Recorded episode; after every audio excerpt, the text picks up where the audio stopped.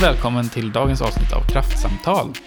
Idag ska vi prata med Marcus Thor som är VD för Hexicon. Men vi ska också ringa upp Lina Kinning som är ansvarig för havsbaserad vindkraft på branschorganisationen Svensk Vindenergi. Häng med! Kraftsamtal, podden som ger dig kunskap och inblick i tekniken som behövs för att möta en av vår tids största utmaningar, den gröna energiomställningen.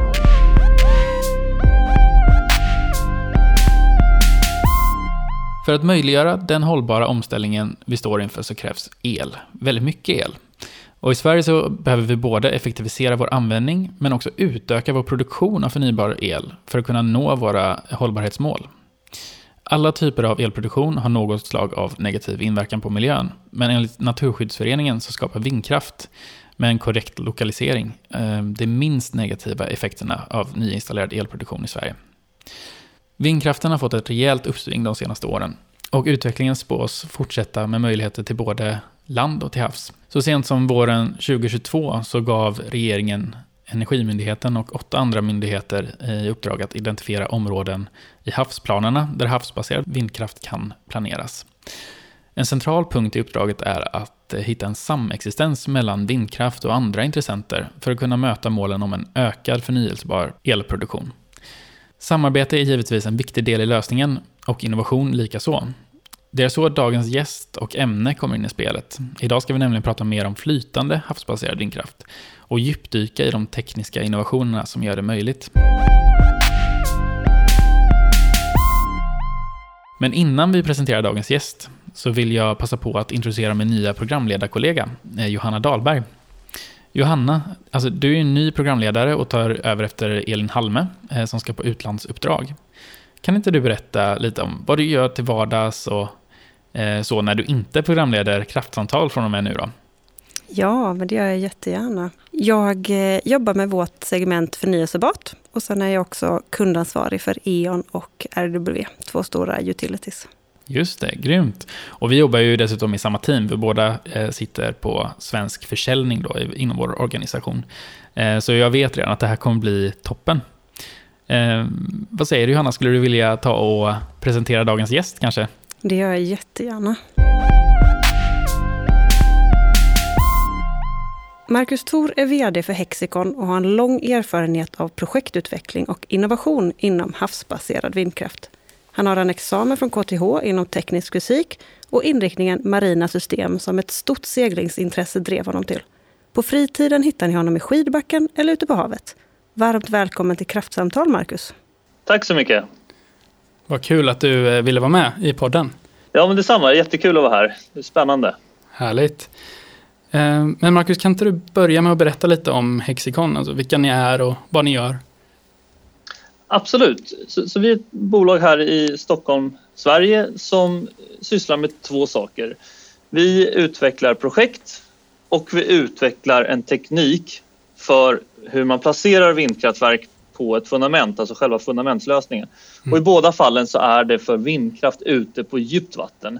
Det vill säga där det är så pass djupt så att det är fördelaktigt att placera vindturbinerna på flytande fundament.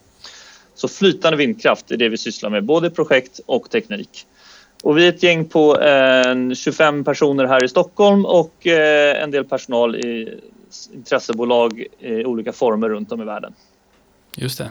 Häftigt. Och hur ser ni på marknaden framöver, framöver och vilka möjligheter ser ni att använda den flytande havsbaserade vindkraften i Sverige? Den, först från ett globalt perspektiv så skulle det, det är en eh, otroligt stor potential. Eh, och för att göra lite kortfattat caset för just flytande vindkraft så är det så att den att vi behöver bygga ut väldigt mycket mer förnybar energi är helt uppenbart. Eh, och jag tror också att det börjar bli mer mer uppenbart för folk att det finns inte tillräckligt med areal eh, på land för att göra det som behövs. Och då tittar man till haven. Och den lyxen som finns i södra Nordsjön där det mesta av den havsbaserade vindkraften till dagens datum har byggts ut, det är stora areal grundvatten. Det finns inte ur ett globalt perspektiv. Så runt om i världen så är de flesta av världens hav inklusive då det som är inom territorialgränsen, det vill säga nära land, det är djupt vatten. Så att för att möjliggöra det här så behövs det ofantliga mängder ny vindkraft som kommer att behöva placeras där det är djupt vatten. Och därför kommer flytande vindkraft att vara en stor del, är jag övertygad om, av framtidens energimix. Det låter ju verkligen, eller onekligen som att flytande vindkraft kan vara en bra lösning där. Men bara för att förtydliga, när du säger djupt vatten, hur djupt är det vi, vi talar? Ja, men då menar jag någonstans runt 60 meter. Det beror mm. lite på andra faktorer som bottenförhållanden och sånt, men säg runt 60 meter. Så när du har passerat 60 meter, när det blir 60 meter och djupare, så ser vi att då är det ekonomiskt försvarbart, det vill säga det är billigare utslaget per till exempel megawattimme producerat att placera vindturbinerna på flytande fundament istället. Just det. Okej, om, om vi kommer över lite på eh, tekniken. Ni har ju utvecklat eh, en patenterad lösning om jag förstått det rätt. Och vad, mm. vad har varit den, eh, de, liksom hur har den utvecklingen sett ut och hur, vilka har varit de största utmaningarna med det? Ja, vi har haft många eh, utmaningar genom åren. Så att vi har hållit på sedan eh, drygt tio år tillbaks.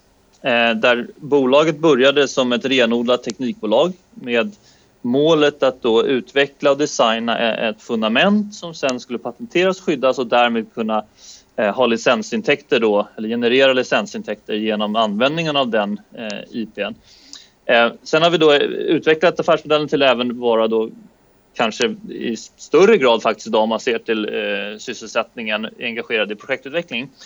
Men själva designprocessen har haft eh, många vändor. Vi har experimenterat fram och tillbaks. Det som vi har kommit fram till idag då, som, som gör oss unika det är att vi har två turbiner per varje installerat fundament. Och det här hoppar vi över lite ett steg i utvecklingen. Där branschen då har gått från landbaserad vindkraft till grundvatten vindkraft till lite djupare och så har vi i 12 års tid nu haft fullskaliga turbiner installerade på flytande fundament inte vår teknik, men andra där ute.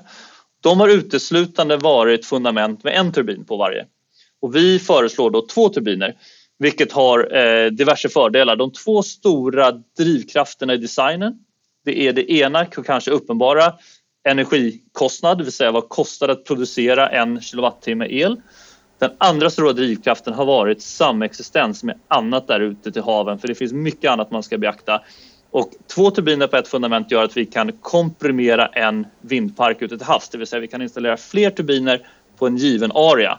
Och det gör att du lättare kan lokalisera de här stora parkerna eh, utan att göra intrång på annan verksamhet eller natur. Alltså det blir mer kompakt helt enkelt i lösningen? Eh. Exakt, så vi får ihop fler snurror på samma area. Jag tänker mig att det borde kunna finnas någon eh, fördel i i balansering också? Eh, kör man att de roterar åt samma håll eller motroterande? Kanske är en väldigt teknisk fråga. Nej, men jag, jag eh, skulle nog kunna svara på den, tror jag hyfsat i alla fall. Och det är eh, svaret att i dagsläget så snurrar allting åt samma håll, det vill säga alla snurror. Mm. Men det är helt enkelt så för att du kan inte köpa eh, från en liksom standardprodukt off the shelf från vindturbinleverantörerna idag som har eh, rotationen då åt olika håll. Ja. Men däremot så finns det nog vinningar att ha då, när du har två på samma fundament mm. så finns det tror jag, argument att du skulle rotera dem åt motsatta håll. Så att när vi blir då eh, stora giganter här i världen och eh, beställer du vet, hundratals efter hundratals turbiner då kanske man kan få turbinleverantören att eh, göra då motroterande varannan eh, rotera åt varje håll helt enkelt. Då kan vi se... Men där är vi inte riktigt än. Nej, just det. Nej, men snart. Nu ser vi ju, vi kan se det här avsnittet som en liten förvarning då, så att de kan börja tänka på det. Ja, exakt. exakt. ja, eh, intressant, verkligen. Och vad kallar ni förresten det här eh, konceptet som ni har? Den kallas Twin Wind. Mm. Eh, väldigt fyndigt. Det kanske inte är det vi har eh, utnämnt oss själva till att vara bäst på, det komma på nya namn. Men vi har döpt det till Twin Wind. Eh, mm.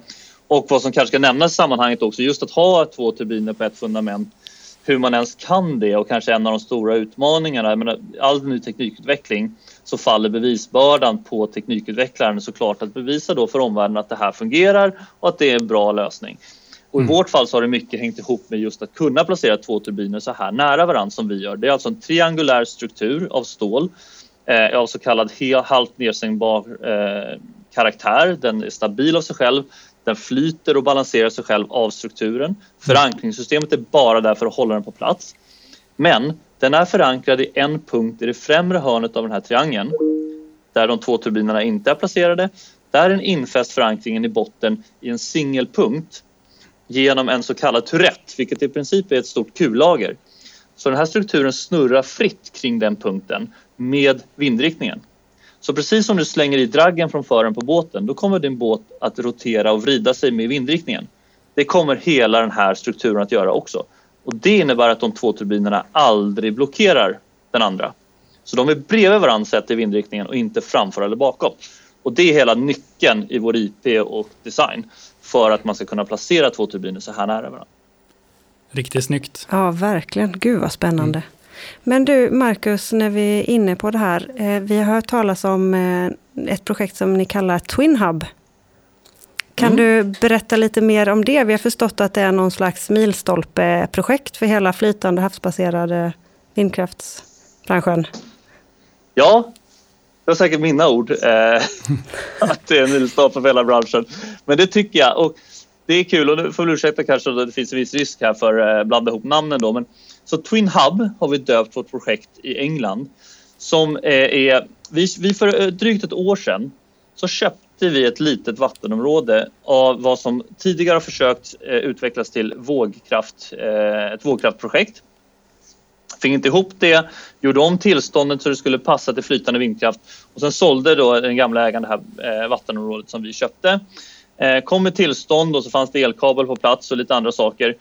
Och syftet var hela tiden att vara med nu under vårens eh, auktionsrunda inom vad den engelska staten kallar Contracts for Difference som är deras eh, eh stödsystem för eh, just förnyelsebart går i princip ut på att du, du budar in eh, vad du vill ha för betalning per megawattimme och lägsta budet vinner.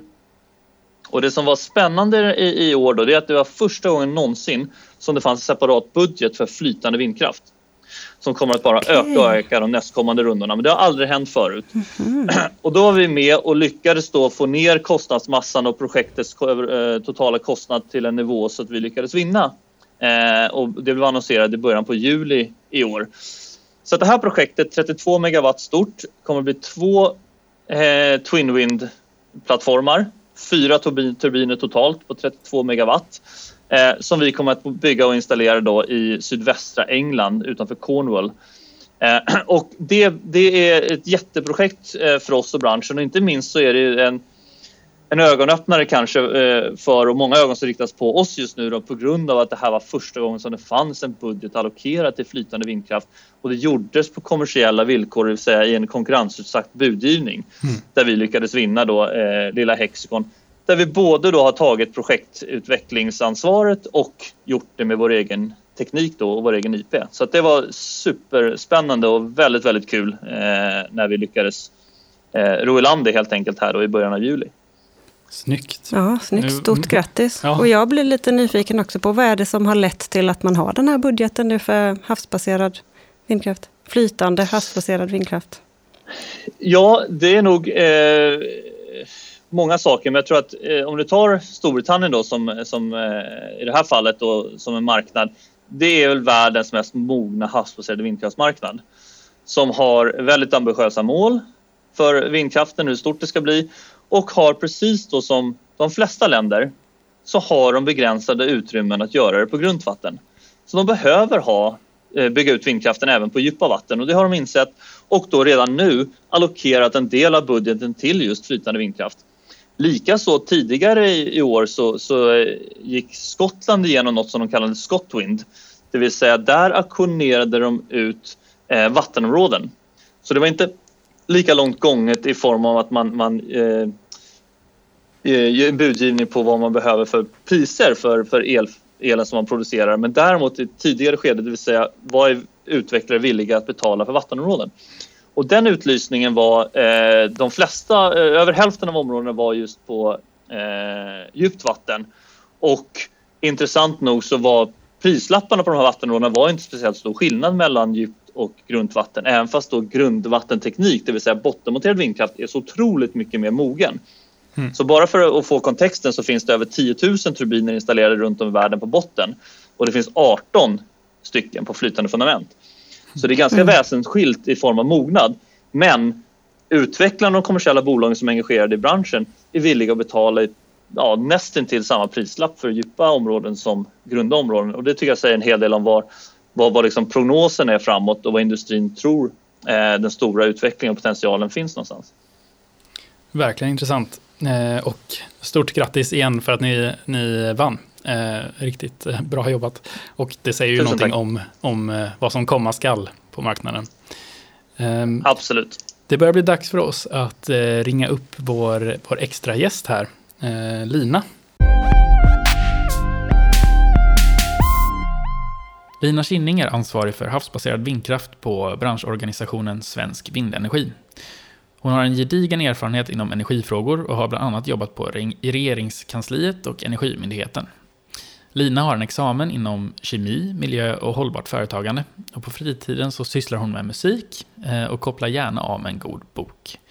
Välkommen hit Lina. Tack så mycket. Jättekul att du är här Lina. Och jag frågar med direkten, vilka möjligheter ser ni att installera flytande havsbaserad vindkraft i vattnet utanför Sverige? Ja, det är ju väldigt goda möjligheter att installera både flytande och fasta eh, fundament av havsbaserad vindkraft i vattnen utanför Sverige. Vi har en av Europas längsta kuster och eh, relativt grunt vatten, vilket i och för sig inte är någon, eh, någon eh, eh aspekt för, för den flytande vindkraften men för den fasta. Och på östkusten så har vi ju inte heller så höga vågor och så mycket, så, så mycket salt i vattnet vilket är försvårande omständigheter såklart. Så att, eh, men överlag är det goda möjligheter i, i Sverige för, för flytande vindkraft. Mm. Och, vad ser ni för stora utmaningar? Ja, det är väldigt krångliga tillståndsprocesser för, eh, för den havsbaserade vindkraften i Sverige idag. Det krävs eh, flerfaldiga tillstånd plus då tillstånd för elledningar och så vidare. Eh, det är lite oklarheter i lagstiftningen som eh, visserligen håller på att redas ut just nu med en mängd uppdrag som, som regeringen har lagt och utredningar. Men som det ser ut nu så är det många oklarheter i tillståndsprocesserna. Vi, vi har ett decentraliserat marknadsbaserat system till skillnad från många andra länder där man har auktionsbaserade system där staten pekar ut en plats eh, där man ska bygga. Och då blir det givetvis mer, mer klarhet, men vårt system medger ju också att det är fler aktörer som har möjlighet att utveckla vindkraft parallellt. Just det. Och vi har ju med oss Marcus Thor här också i, i podden som fortfarande är kvar på linjen här medan, vi ringer, medan du ringer upp. Eh, som är vd då för eh, Hexicon jag tänkte bara passa på att släppa in dig där, Marcus. Eh, håller mm. du med om det här att det är, det är eh, vet det, beslutsprocessen om tillstånd som är en stor, ett stort problem i Sverige för flytande havsbaserad vindkraft? Absolut, och, och en av dem, och det, det, gäller inte bara Sverige utan det är väldigt många länder så är det en flaskhals.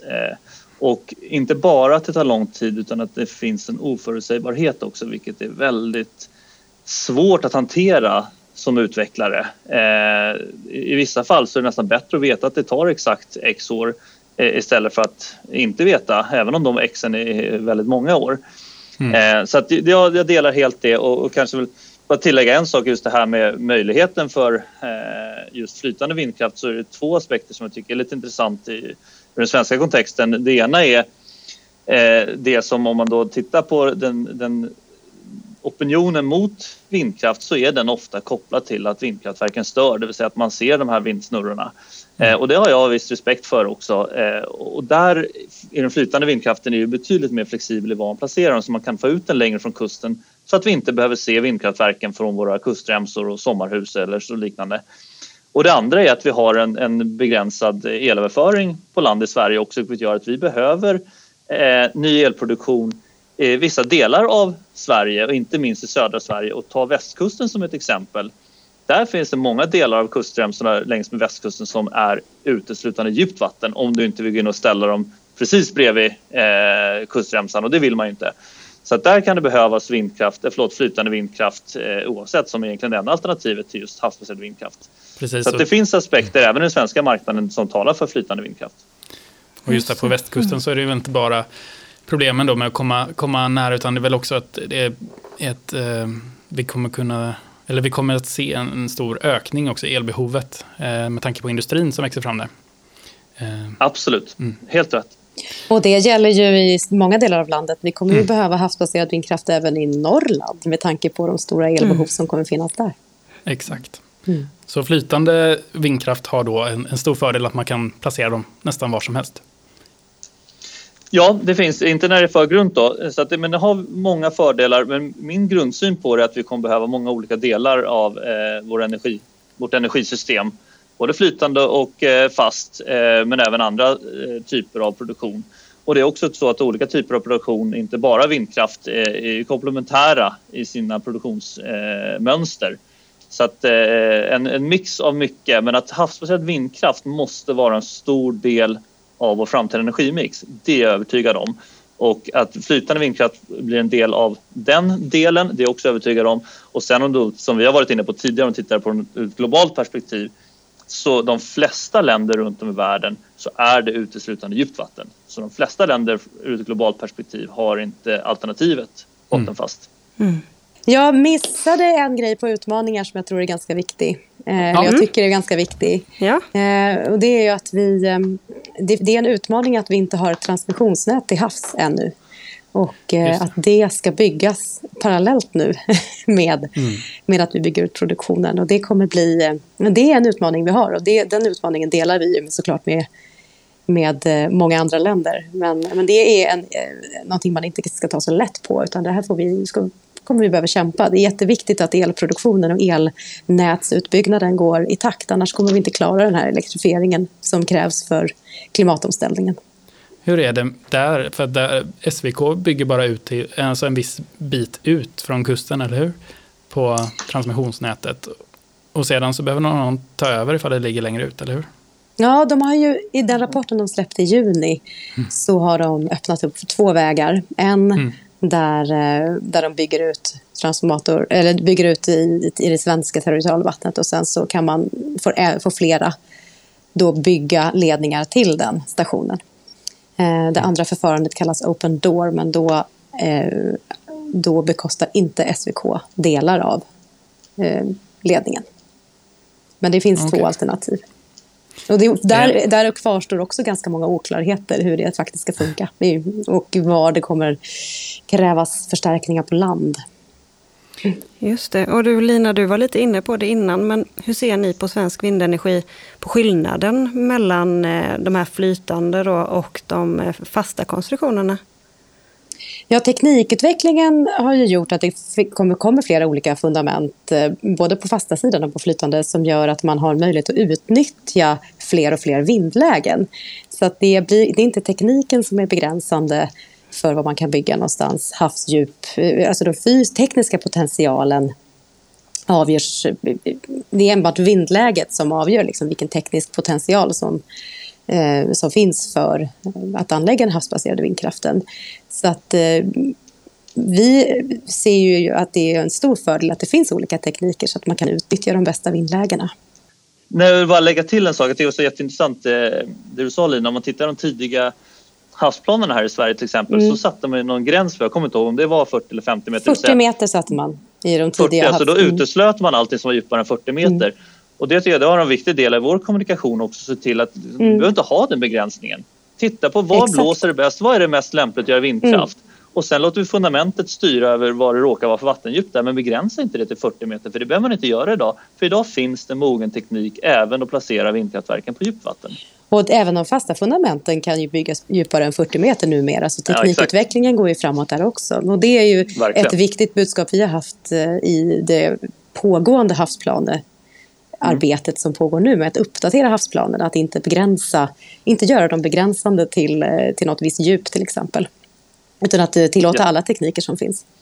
Just det. Men det är ju superspännande och det är tur att, att vi alla ja, men, samverkar och kommunicerar så att vi inte sätter för dumma eh, eh, eller icke genomtänkta begränsningar då, och att vi kommer framåt, för vi behöver det. Ja, Lina, det var egentligen de två huvudfrågorna som vi ville ställa till dig idag. Eh, det var jätte, jättekul att du ville vara med. Eh, och eh, vi tackar dig jättemycket för det. Tack så mycket för att jag fick vara med och tack för en bra podd. tack. tack. Så, men vad härligt att få Linas perspektiv på de här frågorna.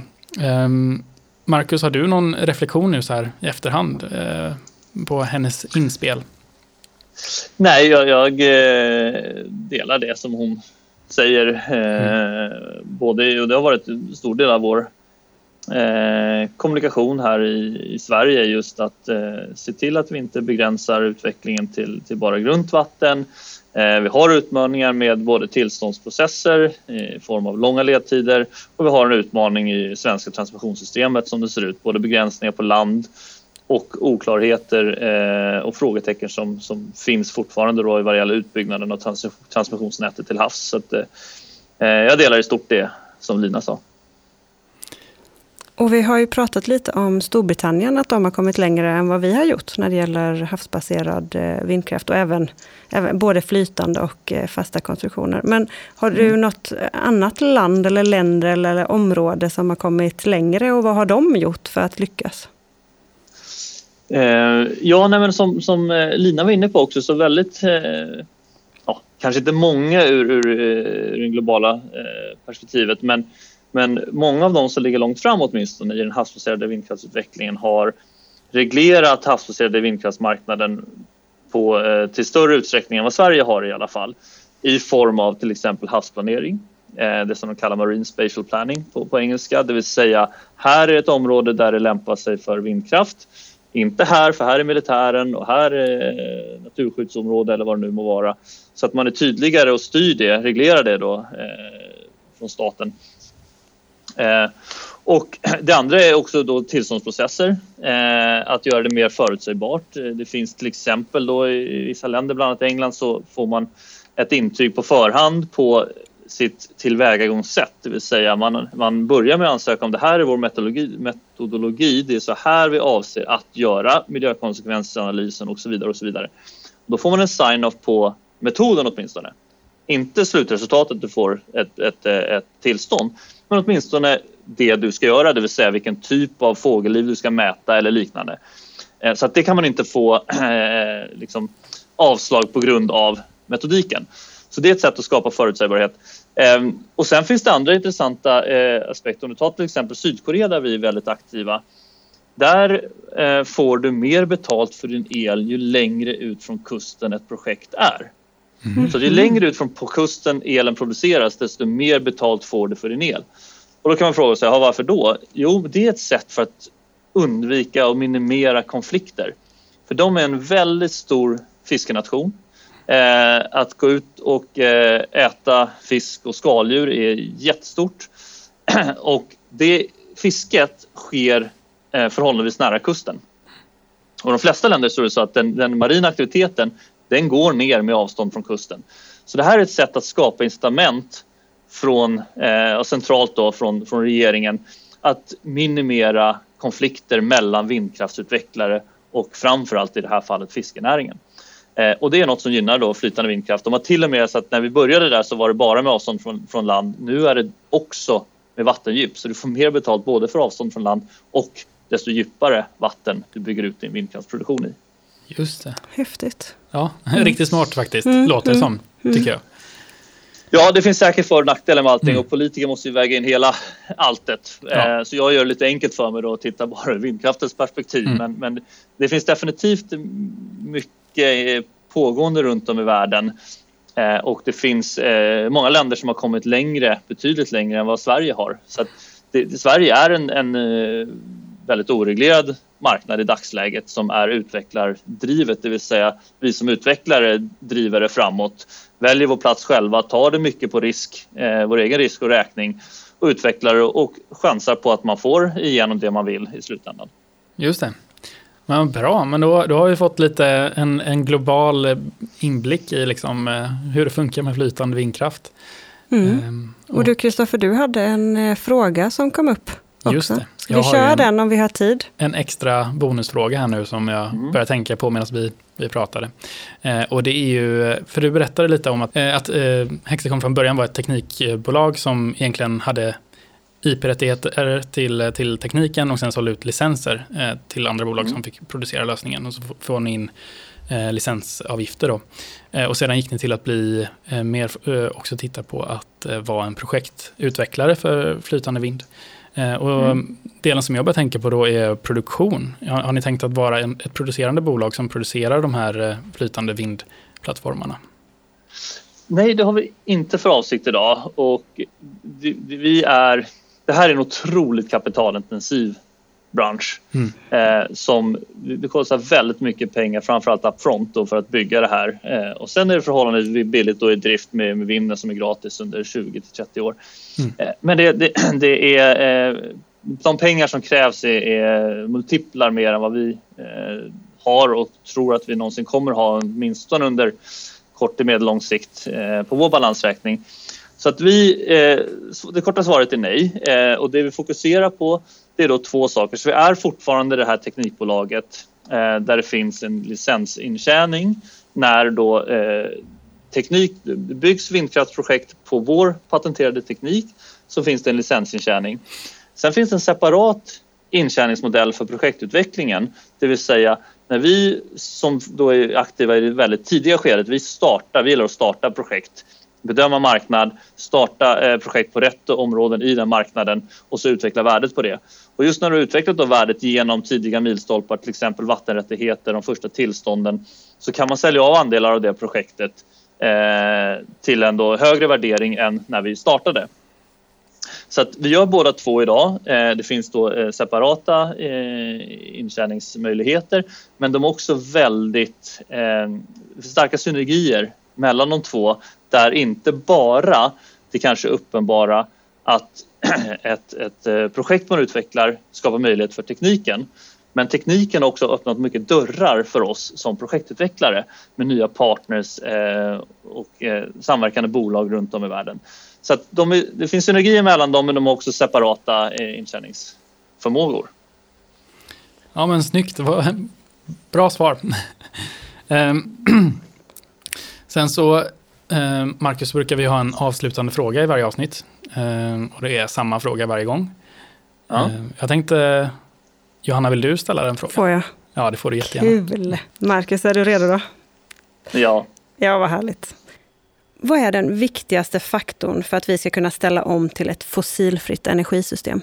Det som jag ser det, och, och frågan kanske inte var så, så brett ställd, men eh, i alla fall så tror jag att då det viktigaste för oss här för att klara av klimatkrisen som vi befinner oss i, det är att få ner CO2-utsläppen. Och det viktigaste för att göra det, det är att ställa om energiproduktionen.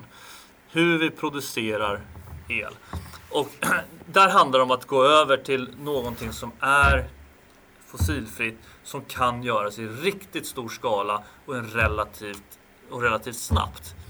Och, och det här flytande vindkraft spelar in och där det liksom verkligen passar in.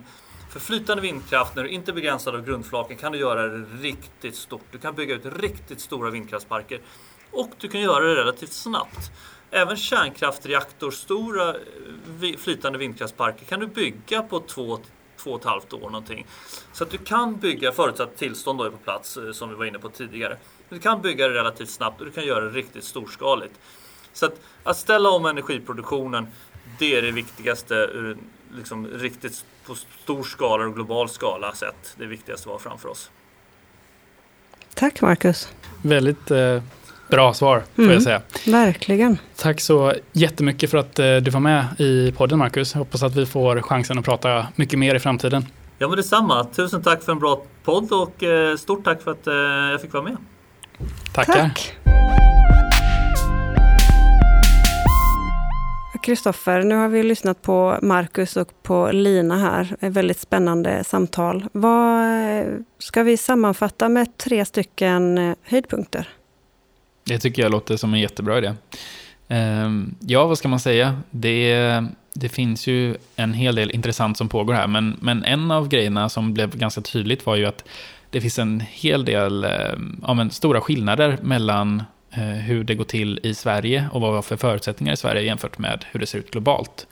Ehm, då blir det både tydligt med att vi har olika förutsättningar, vad ska man kalla det, geografiskt eller med eh, hur, hur det ser ut med vind och, och havsdjup.